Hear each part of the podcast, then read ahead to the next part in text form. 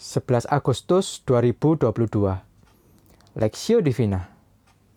1 Tawarik pasal 25 ayat 1 sampai 31 Selanjutnya untuk ibadah Daud dan para panglima menunjuk anak-anak Asaf. Anak-anak Heman dan anak-anak Yedutun. Mereka bernubuat dengan diiringi kecapi, gambus, dan ceracap. Daftar orang-orang yang bekerja dalam ibadah ini ialah berikut. Dari anak-anak Asaf ialah Sakur, Yusuf, Netanya, dan Asarela. Anak-anak Asaf di bawah pimpinan Asaf yang bernubuat dengan petunjuk raja. Dari Yedutun ialah anak-anak Yedutun, Gedalia, Seri, Yesaya, Simei, Hasabya, dan Matika. Enam orang di bawah pimpinan ayah mereka. Yedutun yang bernubuat dengan diiringi kecapi pada waktu menyanyikan syukur dan puji-pujian bagi Tuhan. Dari Heman ialah anak-anak Heman, Bukia, matanya, Usiel, Sebuel, Yerimot, Hananya, Hanani, Eliata, Gidalti, Remomamti, Eser, Yosbekasa, Maloti, Hotir, dan Mahasiot. Mereka ini sekalian adalah anak-anak Heman, pelihat raja, menurut janji Allah untuk meninggikan tanduk kekuatannya Sebab Allah telah memberikan kepada Heman 14 orang anak laki-laki dan tiga orang anak perempuan. Mereka ini sekalian berada di bawah pimpinan ayah mereka pada waktu menyanyikan nyanyian di rumah Tuhan dan diiringi ceracap, kampus, dan kecapi untuk ibadah di rumah Allah dengan petunjuk raja. Demikianlah keadaan Bani Asaf, Yedutun, dan Heman. Jumlah mereka bersama-sama saudara-saudara mereka yang telah dilatih bernyanyi untuk Tuhan. Mereka sekalian adalah ahli seni.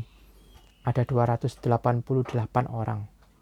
Tua dan muda, guru dan murid membuang undi mengenai tugasnya. Lalu jatuhlah undian yang pertama pada Yusuf, orang Asaf.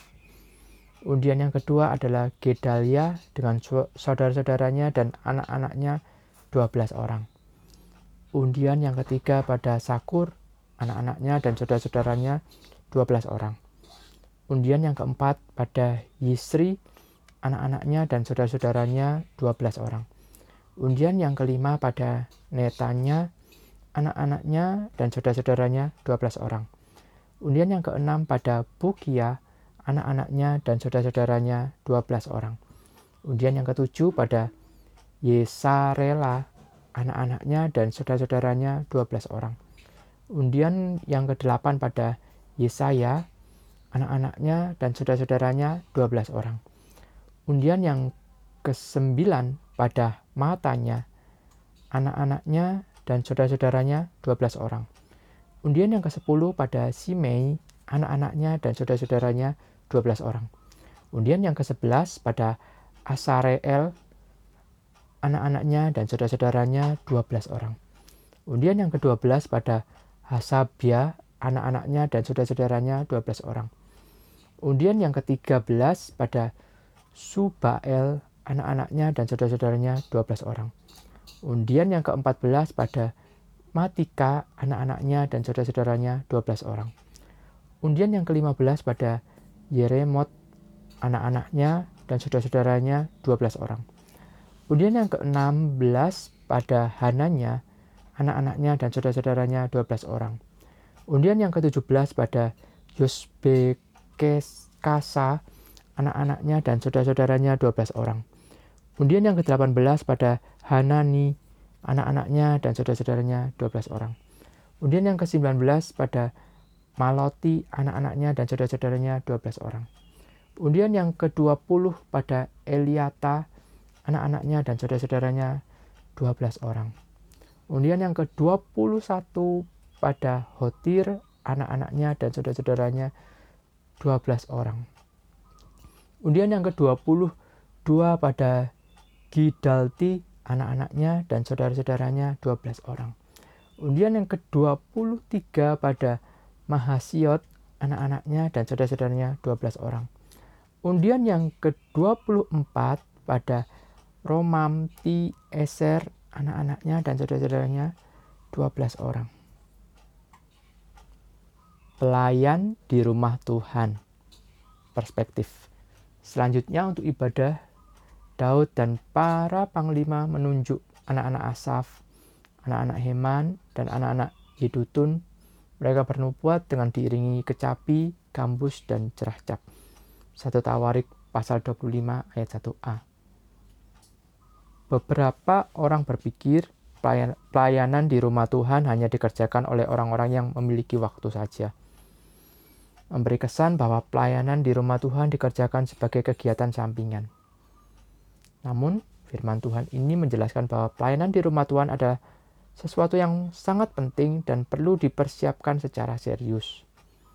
Kita lihat Daud, ia mengangkat orang-orang khusus untuk melayani dalam rumah Tuhan.